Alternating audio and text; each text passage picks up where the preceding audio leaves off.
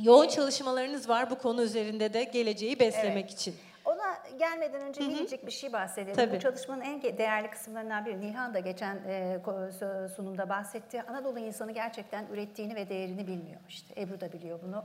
Yapılan çalışmalarda onu görüyorsunuz. Farkında değil. Bu tür çalışmaların en önemli ortaya koyduğu şeylerden bir tanesi de bu zaten.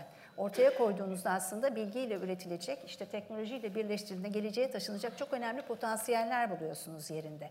Kitap çalışmasını yaptığımızda karşımıza iki tane, 50 tane peynir çıktı ama iki tanesi çok güzel bir yer buldu. Ee, Nedim Atilla Slow Food'un e, Türkiye kurucularından e, Slow Food İstanbul İmalathane üyeleriyiz biz. Ee, onlarla birlikte iki tane ürünümüzü Slow Food'un Arkof tesisine girdik. Çok hızlı bir şekilde cevap buldu, çok ilginç bulundu. Gönderilen e, İngilizce metinlerden hakikaten çok keyifli geri dönüşler aldık. Hızla, değişik sorular nasıl bunlar diye. Bunlardan bir tanesi Büyükdere'nin küflü katık peyniri. E, çok ilginç bir ürün. Hıdrellez'in e, zamanında e, çiğ tanelerinden toplanan e, o suyla sütün mayalanması sonucunda elde edilen yoğurdun e, olgunlaştırılarak derinin içine basılması, o derinin zaten üretilmesi başlı başına bir kültürel miras, bir kolektif bilincimizin ürünü, inanılmaz bir şey. Bunların geleceğe taşınması lazım. Bunlar çünkü gerçekten bizim kolektif Hazine bilincimizin bunlar, çok evet. değerli parçaları. İkincisi bu ürün şu açıdan çok değerli gerçekten. E, e, kadınlarımıza gelmeden e, bir ürünümüzü daha gösterelim.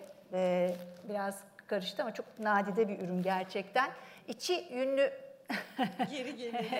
evet gitti. Neyse Sındırgı'nın Eğridere içi yünlü tulum peyniri. Yani biz de ilk defa karşılaştık. Ee, Eğridere'nin Sındırgı'nın dağlarında tepelerinde Ebru'nun anlattığı gibi yani artık yok olmaya yüz tutmuş boz ırkların ürettiği gün boyunca dolaşan hayvanların sütünden dolayısıyla inanılmaz bir süt elde ediyorsunuz. Koyun sütü gibi bir inek sütü elde ediyorsunuz ve o sütten yapılmış nadide bir peynir. Bu iki peynirimiz e, Slow Food Arkeof sitesinde artık bize şunu gösteriyor bunlar. E, yerelde çok önemli bir kadın gücü var. Kadınlar gerçekten yereldeki ürünlerin kadim koruyucuları. Bu koruyucularla biz ancak bu ürünleri geleceğe taşıyacağız. E, onların kadın emeğinin ortaya çıkarılması ve korunması için çok kıymetli bir çalışma var. Aynı zamanda da bu aile çiftçiliğinin e, kooperatifler nezdinde birleştirilerek yapılacak çalışmalar çok önemli. Çünkü dünya bunu böyle yapmış. Oysa ki %70'lik bir e, aile çiftçiliği potansiyelimiz var. Bu dönüştürülmezse hakikaten hepimizin çok büyük bir derdi ama dönüştürüldüğü takdirde çok önemli bir noktaya gideceğiz. Bu çalışmalarla ilgili e, şimdi Büyükdere Küflü Katık peynirini kadın elinde üretilmesi için Balıkesir Belediyesi ile aktif çalışmalar yapıyoruz. Mesela işte yere, yer- kayıt altına alma çalışmalarının en önemli sebeplerinden, sonuçlarından biri bunlar. Bu sonra neye sebep olacak? İşte kolektif çalışmaların artmasına, agroturizmin gelişmesine, bölgedeki potansiyel ekonominin fazlasıyla artmasına ve modellemeye sebep olacak. Keza bir yıldır Kadın Emeğin Değerlendirme Vakfı ile yürüttüğümüz Biga'da bir e, süt üreticisi kadınlarla yaptığımız bir proje var. Çok kıymetli bir proje gerçekten. E, bu kadınlarla beraber sütü e, nasıl üretirler, ne yaparlar, ortak toplantılar, ortak akıllar, işte Çanakkale Üniversitesi Biga Yüksek Meslek Yüksekokulu süt ürünlerinin içine katılması, hocaların e, orada kadınları tekrar e, kendilerini ifade edecek hale getirmeleri. Çünkü üretiyorlar bir şey ama çok karışık. Yandaki komşu başka üretiyor, öteki köy başka üretiyor. Oysa ki bunların bir ortak reçeteyle dediğimiz gibi güncel teknolojiyle birleştirerek geleceğe taşınması lazım. E, çok önemli.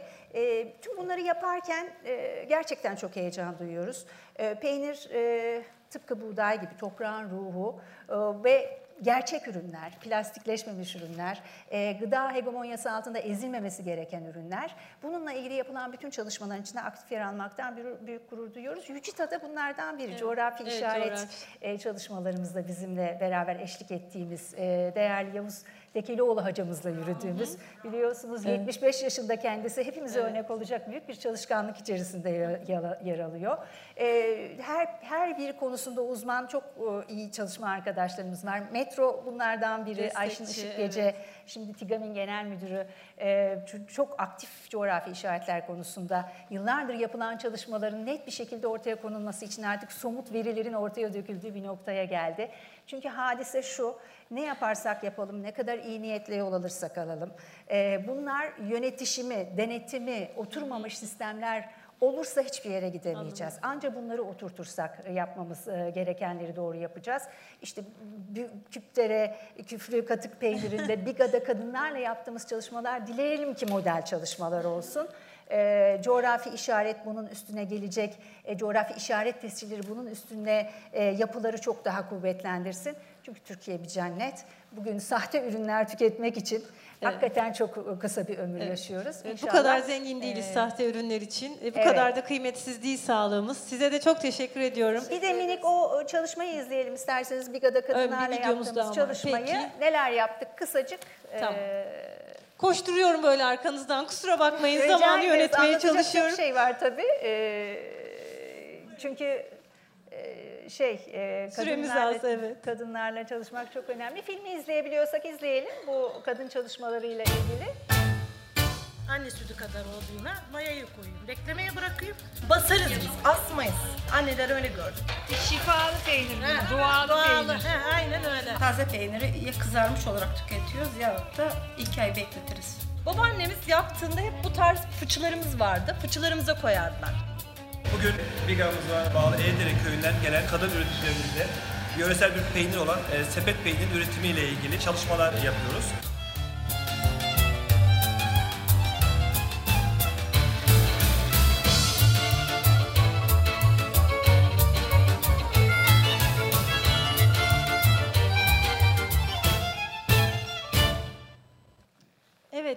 Güzel dedi. Şifalı peynir dedi. Evet, evet, Şifalı dedi. Gerçek gıda evet şifamız olsun.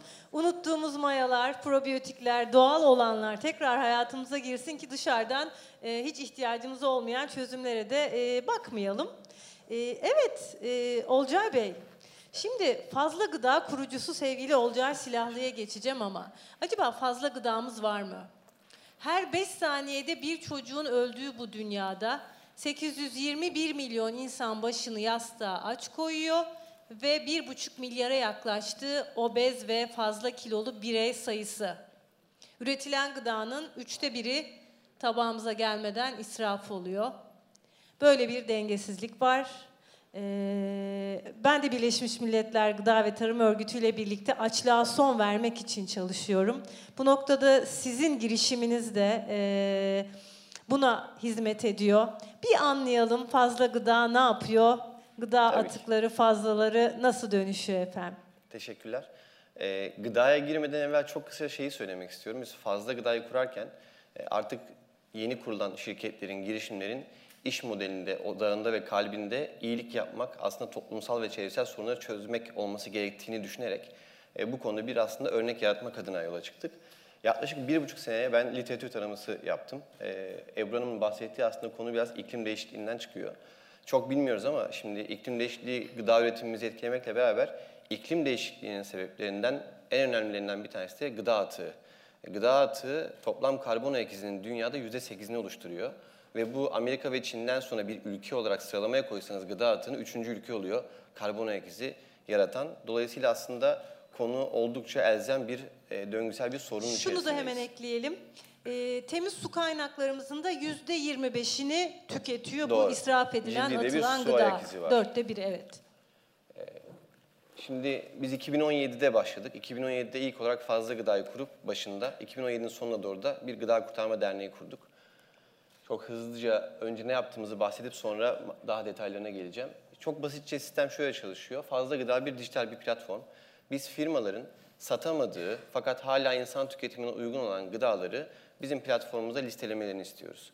Burada listeledikten sonra bu ürünler en yakın bölgedeki dernek, aşevi, belediye, Kızılay gibi kurumlar tarafından görüntüleniyor. Bunlara hemen hiçbir aslında ücret ödemeden gidip yerinden teslim alıp kendi depolarına çekip kendi belirledikleri kaymakamlıklar, belediyeler vesaire ihtiyaç sahiplerine hızlı bir şekilde dağıtımını yaptıkları bir e, altyapı geliştirdik. Aynı zamanda sadece dağıtım tarafı değil, bütün bu işlemlerin veri analitiğini de platform tutup yine kaynağında aslında atı önlemek adına yani hep çıksın bağışlayalım değil de nasıl daha iyi planlarız, üretimimizi nasıl daha optimize ederiz diye dönüp firmalara aslında veri raporlaması ve yanı sıra sosyal metrik raporlamaları da yaptığımız bir altyapıdan bahsediyoruz. Şimdi İstanbul'da oturup bakınca aslında çoğumuzun belki fark etmediği bir gerçek var. Türkiye'de 16 milyon kişi açlık sınırının altında yaşıyor.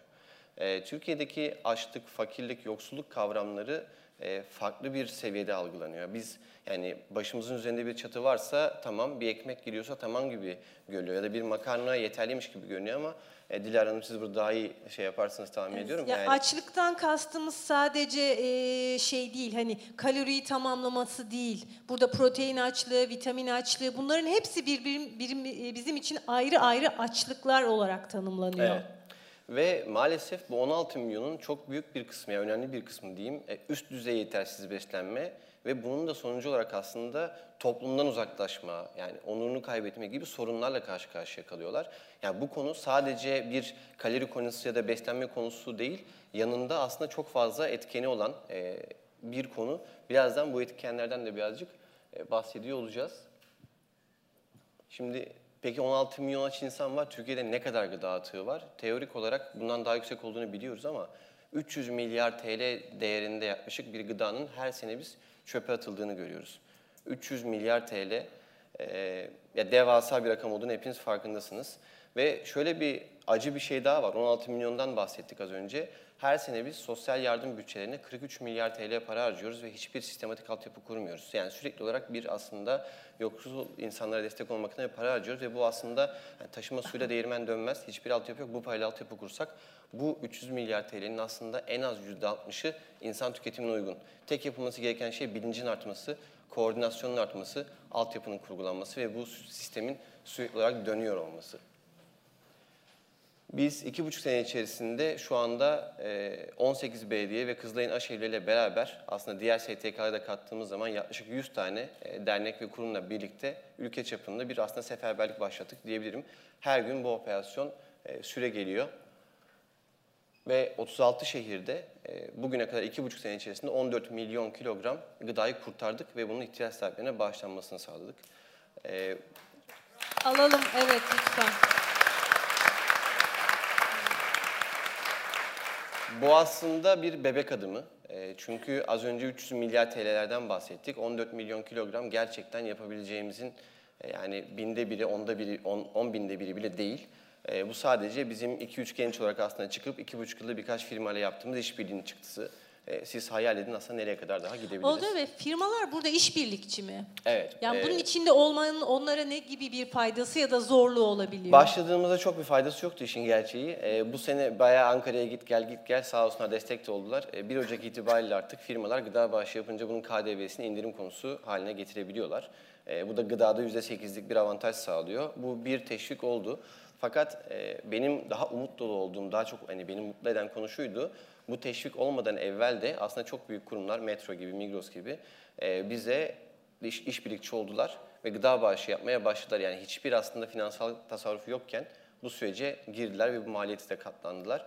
E, Biz zaten gittiğimiz zaman firmada da şunu söyledik. Siz bunları atmak için para harcamayın, bunları bağışlamak için para harcayın. En azından doğru bir şey yapın. E, Çünkü atmak bir maliyet ve çok daha büyük bir maliyet. Bunu anlatmak gerekiyor. Gıda bağışı denildiği zaman ülkemizde hayır hasenat ve aslında gönlümden koptu verdim e, şeklinde algılanıyor. Halbuki böyle değil. Gıda bağışı sorumlu bir atık yönetiminin olmazsa olmaz en başta gelen ilk adımıdır. Gıda bağışı yapmalısınız. Gıda bağışı yapamıyorsanız bunu hayvanlara vermelisiniz. Hayvan barınakları değil sadece bu arada. Hayvan yem endüstrisinde çok değerli bir ham maddedir aslında gıda fazlası. E, diğer yandan bunu oraya veremiyorsanız bunu biyogaza vermelisiniz gibi bir akış var. Türkiye'de maalesef bunların hiçbirisi yani bu adımların hepsi atlanıp en altta ve hiç yapmamamız gereken toprağa gömme uygulamasını yapıyoruz. Bu da işte toprağı kirletmesi, karbon ayak izi gibi sonuçlara gidiyor. Toplam gıda atığımızın %90'dan fazlasını toprağa gömüyoruz. Ve bunun birçoğunu biz kendimiz, ben bizzat olarak da gidip tespit ettim. Hala son kullanma tarihi gelmeden toprağa gömülen ürünler var. Sırf marka kaygısı, kalite kaygısı sebepleriyle e, göz göre göre atıyoruz gıdayı Burada çöpe. tüketicinin gıda okur yazarlığında çok eksik olduğunun da altını Kesinlikle. çizelim. Yani burada tüketicinin firmaları Evet. aslında artık ses çıkartması gerekiyor. Evet. Yani ne yapıyorsunuz bu ürünleri? bu Ee, sorumluluğa ihtiyacımız var. 2018 e, çalışması biliyorsunuzdur belki çoğunuz. 10 tüketiciden 7'si son kullanma tarihi ile tavsiye edilen tüketim tarihi arasındaki farkı bilmediği için %72 e, gıda israfını Nisan'la beraber yaptık. Aynen, Ben de evet. çalışmanın briefleyenlerindendim. Ee, aslında hani biraz daha böyle teknik detaya gelseniz orada çok daha fazla olduğunu görüyoruz da e, bilinçsizlik seviyesinin. Bu geçmiyor yalnız. Bir müdahale edebilir miyiz? Slaytı atlatabilir miyiz? Tamam. Evet. Ee, biz bu vesileyle kurduğumuz yardımlaşma ağıyla her ay düzenli olarak 330 bin ihtiyaç sahibine şu anda ulaşıyoruz. Ee, bunu hedefimiz 2020 yılında 1 milyonlar seviyesine çıkartabiliyor olmak. Ve tabii burada dediğim gibi en önemli konu aslında yani ara ara satır gibi geçiyor ama bu yardımın düzenli gidebilmesi çok önemli. Sadece gıdayı kurtarmak anlamında değil, ihtiyaç sahibinin de her zaman e, ihtiyacı var. Sadece yılda bir gün ya da Ramazan'da değil. Şimdi burada aslında büyük rakamların yanında birazcık e, reel şeyleri de ortaya koymak istedim. Ülkemizde yaklaşık biz yıllık 10 milyon ton civarında bir domates üretiyoruz. Ve bu domatesin 4 milyon tonunu çöpe atıyoruz. E, yani aslında hani atmak için üretiyoruz desek birazcık yeri var e, diyebiliriz. Daha küçük ayağına geleceğim. Biz iki senede ne kadar domates kurtarmışız diye açtık sistemi. Baktık 400 ton civarında bir domatesi kurtarıp bağışa çevirmişiz. O da 2 milyon TL civarında bir milli servet. Daha da aşağısına ineceğim. Bizim için hani anlamak adına ben her yerde artık biraz daha büyük rakamlardan ziyade aşağı inmeye çalışıyorum. Şimdi dö- bir 4 kişilik ailenin de ortalama yıllık domates ihtiyacı 100, ki- 400 kilogramlar civarına çıkabiliyor. Yani çünkü çok temelde işte çorbada kullanıyoruz, yemekte kullanıyoruz. 2000 TL. Yani bugün gerçek anlamda açlık sınırının altında yaşayan bir aileye biz atıktan kurtarıp gıda bağışıyla bu domatesi sağlamış olsak 2000 TL'lik bir tasarruf etmesini sağlıyoruz yılda. Peki 2000 TL ile ne yapabilirdi? 200 tane okuma kitabı alabilirdi ya da çocuğuna belki yabancı dil eğitimi aldırabilirdi. Yani aslında geleceği beslemek benim için sadece gıdayı vermek demek değil. Geleceği beslemek her anlamda beslemek. Bu çocuklara aslında bu kaynakları tasarruf ettirip daha ne yapabiliriz bununla? Çünkü elzem bu gıdayı alacak. Önce kaynak gıdaya gidiyor. Gıdadan geçemiyor. Biz bunları sağlayabiliriz. Teorik olarak Türkiye'deki fazla gıdayla 16 milyon kişi de aç kalmaz. 300 milyar TL oldukça fazla bir miktar. Ee, burada her gün kısmının altını çizdiğim için bir örnek koymak istedim. Mesela Beylikdüzü Belediyesi e, bizden önce bu uygulamayı gıda bağışı uygulamasını yapıyordu. Fakat şöyle bir sorun vardı. Ayın 25 günü gıda tedarik etmeye çalışıyor- çalışıyorlardı. Sadece ayın ilk 5 günü gıda yardım yapıyorlardı. Ancak toparlayabiliyorlar. Çok da güzel bir altyapıları vardı. Biz işbirliğine başladıktan sonra artık hafta içi her gün gıda bağışı yapılıyor. Son dönemde de mekanları yetmez oldu. Daha büyük bir mekana geçtiler. Böylece aslında daha fazla ihtiyaç sahibine ulaşmaya başladılar. Ve sadece Beylikdüzü'nde 1,5 milyon TL'lik gıda yardımı yapmışız. Demek ki bunun gibi dernekler çoğalsa e, daha ne kadar bu etkiyi artırabiliriz diyorum. Bunu geçeyim şimdi gıda bağışından aslında temeldi yani geleceği beslemek adına ama sadece burada durmayacağım. Şimdi tarımı konuşuyoruz. Nüfus artarken ilk tepki şu oluyor dünya çapında baktığın zaman daha fazla tarım alanına ihtiyacımız var. Daha fazla üretmeye ihtiyacımız var. Bu da yanında ormansızlaştırmaya getiriyor. Gene dönüyor iklim değişikliğine sebep oluyor. Halbuki bizim daha verimli üretmeye, ihtiyacımız kadar üretmeye, bu israfı yapmamaya ihtiyacımız var. Bugün toplam üretilenin dünyada %30'unu çöpe atıyoruz. Bunu atmasak mevcut alanlar içerisinde aslında ihtiyacımız olan daha fazla üretimi yapabiliriz. Bu ormansızlaştırma konusu çok fazla gözden kaçan bir konu. Biz fazla gıda olarak ilave olarak iki tane daha şey yapıyoruz. Onlardan da bahsetmek istiyorum. Bitir, bit- hızlıca bitiriyorum. Ee, bazı atıklar da gerçekten şu anda ülkede değerlendirilemiyor. İşte yakılıyor, ondan sonra toprağa gömülüyor. Bu yüzden 2020 yılında bir araştırma ve geliştirme ekibi kuruyoruz. Ve buradan da aslında diğer atıklardan neler yapılabilir bunları çalışıyoruz. Yani örnek mesela ilk denemede kahve posalarını topladık. Kahve posalarından kömür yaptık ama tercihimiz tabii kömür yapmak değil. Şimdi kahve posalarından toplayıp yağ ekstrakt çıkartabilir miyiz? Ya da işte bunu kozmetik endüstrisinde başka bir yerde kullanılacak değerli bir e, ürün elde edebilir miyiz gibi deneme çalışmalarına başlıyoruz. E, bu biraz çetrefilli ve öğrenilmesi gereken bir konu. Buna şimdiden yatırım yapmak istememizin sebebi şu. Ne kadar sahaya girersek Türkiye'de şunu gördük. E, gerçekten konu üzerinde hiçbir bilgi olmadığı gibi hiçbir altyapı da yok. Yani hadi gıda atını topladım, vereyim şimdi ne yapmak ne yapacağım ben dediğiniz zaman bir altyapı yok. Bu altyapıyı araştırıp geliştirip hızlı bir şekilde bir aslında bilgi birikimi oluşturmamız gerekiyor. Ee, diğer yandan e, bu sene e, bu seneye kadar aslında biz perakende üretici ve distribütörlerle daha çok az lokasyonda büyük miktarda kalan gıdalara odaklanıp hemen ihtiyaç sahiplerine bağışlayalım olmadı doğru yönetmeye odaklanmıştık. Şimdi otel ve restoranlarda da akıllı çöp kutusu projesini başlatmaya çalışıyoruz. Ee, çok kabaca göstereyim. Ekran var yukarıda. Alt tarafta da akıllı bir çöp kutusu var. E, mutfaktaki tabaktan dönen ya da üretimden çıkan atığı çöp kutusuna dökerken tek yapmaları gereken şey domatesi seçmek. Alt taraftaki tartı ağırlığını ve zaman serisini tutuyor ve böylece aslında dönüp şeflere bilgilerini zaman serisine göre ne döndü tabaktan örneğin her gün aynı saatte domatesler tabaktan dönüyor ya da garnitür tabaktan dönüyor. Dolayısıyla artık bu garnitürü üretmeyin ya da bunu değiştirin bunda bir sorun var diyecek bir Olcay Bey evet bravo. teşekkür ederim. Bravo. Konsept bu şekilde. Ee, bunun gibi aslında bu da sadece e, dört tane ana başta toplamak istedim. Bunun gibi arka planda birçok konuyu araştırıyoruz. Ee, geliştirmeye de çalışıyoruz. Ee, amacımız gıda atığını olabildiğince minimize ediyor olmak ve farkındalığı artırmak. Evet efendim. Bu salondaki herkes gibi siz de iyi ki varsınız. Teşekkür ederiz. Ee, genç bir girişim ama teknoloji yoğun bir girişim. Özellikle bu akıllı çöp kutusunda ciddi bir teknoloji var. Ee, sevgili Ufuk Tarhan'a son olarak sözü vereceğim. En son ona vereceğim. Çünkü e, geleceği beslerken, geleceği kurtarırken efendim ama önce kendinizi tanıtmanızı da isteyeceğim. Ee, acaba teknoloji bize nasıl fayda sağlayacak? Şimdi teknolojiye evet inanıyoruz, e, güzel uygulamalarda sonuçlarını görüyoruz ama bir taraftan da işte 2050'de sistem kilitlenecek, bir tarafta bir zaman baskısı var. Bu yaratıcılığı etkiliyor mu? E, nasıl çözümler bizi bekliyor sevgili Ufuk Tarhan? Çok teşekkür ederim. Ben e, vakiti de iyi kullanarak hemen sağ olun. dalayım. E, Futurist kontenjanından katılıyorum aranıza. Gelecek Futurist için. nedir efendim? Futurist tarihçinin ters, ileriye iz İleriye. düşümü diyelim. Tarihçi geriye bakıyor, Evet. geleneksele, geçmişe bakıyoruz ve neler yaşanmıştı acaba onlardan ders alalım diyoruz. Onu bilgiye çevirmeye çalışıyor. Gelecekte, e, gelecekçiler de gelecekte neler olabilir acaba, neler olsa iyi oluru bilgiye çevirip onu kullanmaya çalışıyor. Yani fütürist bakış açısı tarihin ileriye doğru olanı her ikisi de mutlaka kullanılmalı ve e, uzlaşarak ilerlemeli.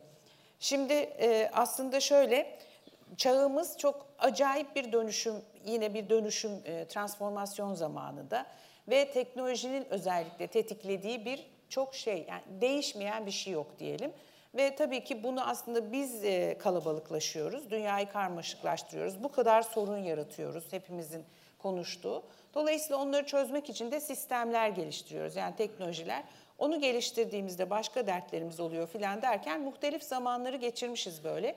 Şu anda bu 21. yüzyıl insanı dediğimiz yani milenyum nesli dediğimiz hepimiz dünyanın bugüne kadar geçirdiği en ağır dönüşümlerden ve iklimle falan beraber, her şeyle beraber bir dönüşüm geçiriyor. Dolayısıyla bunun bir sonucunun, bir takım e, tepkilerinin, etkilerinin olacağı kaçınılmaz. Bunları iyi değerlendirerek, bugüne kadar olanlardan iyi ders alarak ve artık daha da fazla ileriye bakıp tahminler, akıl, bilgi ve teknolojiyi kullanma kabiliyetimizin arttığını da görerek daha akıllıca şeyler yapmamız gerekir. Şimdi bu konu sonsuz ama en çok mesela şu ara e, tedirginlik duyulan şey e, robotlar, yapay zeka, her şey, e, işte genetik oynamalar, her şey, teknoloji dünyayı yiyecek, bitirecek, işsiz kalacağız. Etler laboratuvarda mı üretilecek? Hapla mı besleneceğiz? E, inşallah diyelim onları hep. Oo! Evet. İnşallah diyelim. Evet işte o bakış açısını değiştirmeye en çok ihtiyacımız olan sektörlerden, alanlardan birinde konuştuğum için ayrıca çok mutluyum. Çünkü Haro Bey ve Olcay'ın yaptıkları esasında tam da biraz sonra sizin için hazırladığım sunumda millet gelecekte nerelere gitmekte ve neleri nasıl çözmeye çalışmakta onlar için e, bir takım videolar ve bir takım küçük örnekler göstereceğim. Onlara çok ufak, çok büyük işler yapıyorsunuz. Anormal tebrik ediyorum. Fakat İstanbul'un göbeğinde bu konularla bu kadar uğraşan biri olarak ben daha yeni bu panel olmasa belki o kadar radarıma girmeyecek. Bir de Ak Merkez'in burnunun dibinde oturuyorum. Dolayısıyla burada bir iletişim, bir teknoloji kullanmak ve bu bilgilerin yayılmasıyla ilgili müthiş bir sorun olduğunu algıladım şu anda. Ve aslında hep algılıyorum.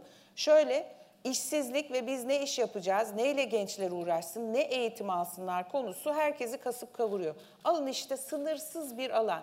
Takıldığımız şey ne? A bizden bir Mark Zuckerberg çıkmıyor. Biz Facebook çıkaramıyoruz. Google çıkaramıyoruz. Ya hiç kimse çıkaramıyor zaten onu. Bir, bütün dünyada bir iki tane var işte. Ama bizim bakın doğal kaynaklar dediğimiz şeyler önümüze serilmiş vaziyette. Tam bir midyata pirince giderken evdeki bulgurdan olma eşiğindeyiz. E, Yani ya da işte komşunun tavuğunu komşu kaz görüyor gibiyiz. Halbuki müthiş bir şansla acayip doğal zenginlikleri olan bir memleketteyiz. Fakat data, veri, teknoloji kullanımı konusunda da bir o kadar acayip geriyiz. Şimdi bizim bu kullanım tarafını bu kıymetli alana e, derhal buluşturmamız lazım. Üniversitelerde ben çocuklara sorduğum zaman çiftçi olur musunuz, kimler çiftçi olmak istiyor dediğimde kimse el kaldırmıyor. Ama şimdi birazdan izleyeceğimiz e, dikey çiftlikler, şehir çiftlikleri, susuz tarım bunları gösterdiğim zaman ki mecburuz bunları yapmaya. Laboratuvardan et almaya mecburuz ve bunlar öyle kötü şeyler olmak zorunda değil. Zaten şu anda eskiye göre lanetlenecek bir sürü şeyi kullanıyorsak bunun daha akılcı ve daha ileriye gidenini kullanmalıyız. Ve e, hemen videolara geçip hızlı hızlı size bir takım görsellerle, potporilerle vizyon açmak, çocukları, gençleri yönlendirmek üzere bir şeyler göstereceğim. Konu anormal geniş ama lütfen bu alanda çalışan ve çok önemli bilgileri e, bizlere aktaran ve geleneği korumaya çalışan, yani ham maddeyi aslında tutan sizler lütfen bu kanalları çok iyi kullanmaya da eşit derecede teknolojiyi içselleştirmeye de eşit derecede önem verin ki bu gidebilsin. Şimdi bakın 2019 ve dünyada böyle bir restoran açıldı. 2020'de resmen servise başlıyorlar. Gıda endüstrisi sadece yemekten olmuyor. Bunun ta yetiştirilmesinden nakledilmesine, bakın adam içeriye girdiği anda sistem tanıyor ve ona göre tamamen robotlarla depoda da, pişirme anında ve servis anında da Japonya'da bir sushi restoranı bu. 3D printerla video niye bozuldu bilmiyorum test yaptık. Ee, Murphy geldi herhalde o da e, şeye katıldı. Büyük ihtimal. Ee, Dolayısıyla e, YouTube'a koyacağım bugün öğleden sonra bakabilirsiniz bunların hepsine. Sushi'yi tamamen 3D printer diyemeyeceğiz artık ona. Ufak bir yemek fabrikasıyla üretiyor. Depo yönetimi her şey işte atık olmuyor orada. Hijyenden uzak bir durum olmuyor. Her şey istediğimiz gibi kontrollü olabiliyor. Mükemmel midir? Hayır henüz değil. Olabilir mi? Gayet tabii olabilir. Bu video ile ilerlemeyelim. Şimdi gıdanın geleceğindeki bu teknolojiler en belirgin teknolojiler. Genetik, nano, robot, yapay zeka ve 3D. Teknolojiyle ilgilenmek demek teknolojinin kendisiyle değil. Bunları bu tür sektörlere aktarabilmekle bizim geleceğimiz kurtul- kurtulacak. Yani teknolojiyle ilgili olanlar e, tarımla, çiftçilikle ve biyoloji, kimya yani bunlarla ilgilendiği zaman biz yırtacağız. Ve robotlar her alanı olduğu gibi, yapay zeka her alanı olduğu gibi bu alana da giriyor. Dikey çiftçilik, şehir çiftçiliği, şehirleşmenin önüne geçmemize imkan yok. Yani hakikaten nasıl sizi ben radarıma takmamışım da el alemin yabancı şeylerini gösteriyorum. Şimdi sizden fotoğraf bekliyorum bol bol. Dolayısıyla çok çok mutlu oldum ama inanılmaz bir potansiyelimiz var bu konularda. Ve bu dikey çiftlik, ofis farming dediğimiz, susuz çiftlik dediğimiz şeyler şaka değil. Gençlerimiz için de hepimiz için de milyonlarca yeni iş kalemi demek. Milyonlarca yeni uzmanlık alanı demek. Lütfen bunlara çok dikkatli bakalım. Bir gıda endüstrisi dediğimizde, bir çiftlik dediğimizde başka bir şeyden konuşuyoruz. Dronlarla ölçüm yapıyorlar, farming data topluyorlar. Mesela artık biliyor musunuz? Müşteri veli nimetimiz değil artık. Ee, veli veri nimetimiz, müşteri veri nimetimiz. Yani o yediğimiz e, nimetlerin hepsi veri olursa nimet haline gelebiliyor. Aksi takdirde ne oluyor? Bir de üstüne zarar veren çöp, atık, matık. Döngüsel ekonomi dediğimiz dünya, Türkiye diyor ki bak patlıcanın bizde öyle bir kültür de var ilk panelde. Patlıcanın Sapını, sapını e, yemek yemek, yap. Yani bizim genlerimizde bu var. Her annemler soyarlar, yüzümüze onu yapıştırırız, oramıza bunu sür. Yani döngüsel ekonomi falan çok çok önemli artık. Bunların hepsi veri demek ve teknoloji de kullanmak demek. E, akıllı teknolojiyle ve tarımla uğraşan o kadar az kimse var ki buna çok üzülüyorum. Oysa tarımın zaten şu anda kullandığı yüksek bir teknoloji var ama zararlı halde artık kullanılıyor. Onun için iletişimde, eğitimde, yetiştirmede, toplamada, nakletmekte yani bakın inanılmaz paketlemede baktığınız zaman binlerce adımda yapılabilecek müthiş şeyler var. Mesela siz bunu yapmışsınız. Ben şimdi buraya niye sizinkini koymadım? gibi kendi kendime de kızıyorum ekolojik paketleme. Akıllı gıdalar genetiğiyle mutlaka oynanacak, oynanıyor. Kendi kendini yetiştiren, aynı zamanda yenen topraksız tarım ürünleri. Ya şöyle ufacık baktığınız zaman tasarım gıdalar, e, en yakın gelecekte olan 2020'de mutlaka bu laboratuvar etlerini yemek durumundayız. E, Çünkü canlı hayvan aslında kök hücresinden üretilen bir şey bu. Yani ve dünyayı en çok kirleten, en çok e, vahşileştiren alanlardan biri bu. Dolayısıyla buna artık bu neslin alışması lazım. Madem 10 milyara gidiyoruz 2050 itibariyle bunları başka türlü düşünmemiz lazım. Onun için böyle bol bol fotoğrafını koydum.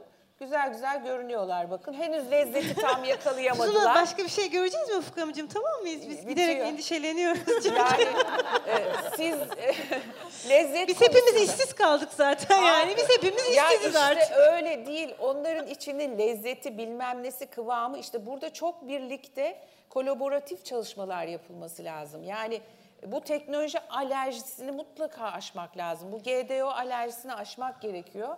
Ve bitiriyorum. Ee, robot şefler videolarımız da var ama süre ilerlediği için bunu zaten görmeyen kalmadı. Ee, animatif bir çalışma ama iş gücünün yani burada biz servis yapmayabiliriz ama bu servis yapacak şeyleri hepimiz tasarlayabiliriz. Benim geçen sene gittiğim seminerlerde birçok servisin böyle robotlar tarafından yapıldı. Bu tabii antipati doğuruyor ama aslında e, birçok yeni iş kolunu ve daha sıhhatli bir takım gelişmeleri işaret ediyor. Çin ve Kore bu konuda inanılmaz ilerideler. E, bütün restoranın, restoran haftasındayız madem, bütün o geriden gelen gelen şeylerin servis ve iletişim anında da acayip gelişmeler var. E, akıllı marketler, akıllı satış- e, satışlar ve eğer bunlar olmaz diye inanmıyorsanız, valla bu video ne yaptı bana bilmiyorum. Yok. Jetgiller. evet evet. 60'larda jetgilleri seyrederek büyüdük. O zaman fantastik diye bakıyorduk. Şimdi buna çocuklar bile bakmıyorlar. O kadar sıradanlaştı bir sürü şey. Eğer şu ana kadar gösterdiklerime inanmıyorsanız lütfen açın bir jetgilleri Seyredin. diyorum. Ve müşteri veri nimetimizdir hatırlatarak çok teşekkür ediyorum. Ufuk Hanım çok teşekkür ediyorum. öyle bir öyle bir kapanış yaptınız ki ortalık çok karıştı. Konuşacak çok şey var. karıştı. Sevgili Funda İnansal'dan rica ediyoruz. Teknoloji, gıdanın geleceğiyle ilgili ayrı bir günlük oturum yapalım efendim. Ufuk Hanım'a yoracak, soracak çok sorumuz var. Ee, hepinize ayrı ayrı teşekkür ediyorum. ben hiçbir zaman pozitifliği kaybetmiyorum. İnancım sonsuz geleceğe besleyeceğiz. Gezegeni kurtaracağız. Türkiye'nin B planı olacak. Hep birlikte, hepimiz sayesinde. Ee, çok teşekkürler katılımınız için.